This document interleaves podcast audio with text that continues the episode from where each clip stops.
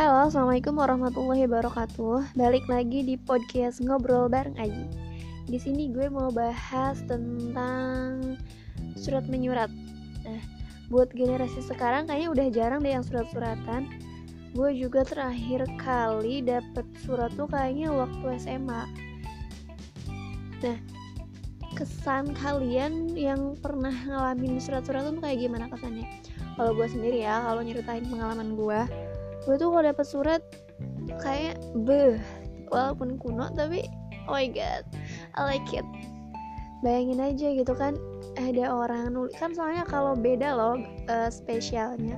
Kalau misalkan kesannya dapet chat dapet apa di biasa kayak di sosmed kayak gitu di media elektronik. Kayaknya kurang berkesan deh. Tapi kalau di surat kan bayangin dia nulis sendiri nulis kata-kata dia sendiri buat dikasih ke orang lain. Tulisannya terus kadang bisa dihias-hiaskan si suratnya. Pokoknya berkesan banget deh kalau misalkan dikasih surat. Uh, dan gue paling suka kalau misalkan gue ulang tahun tuh di di kadonya dapat surat.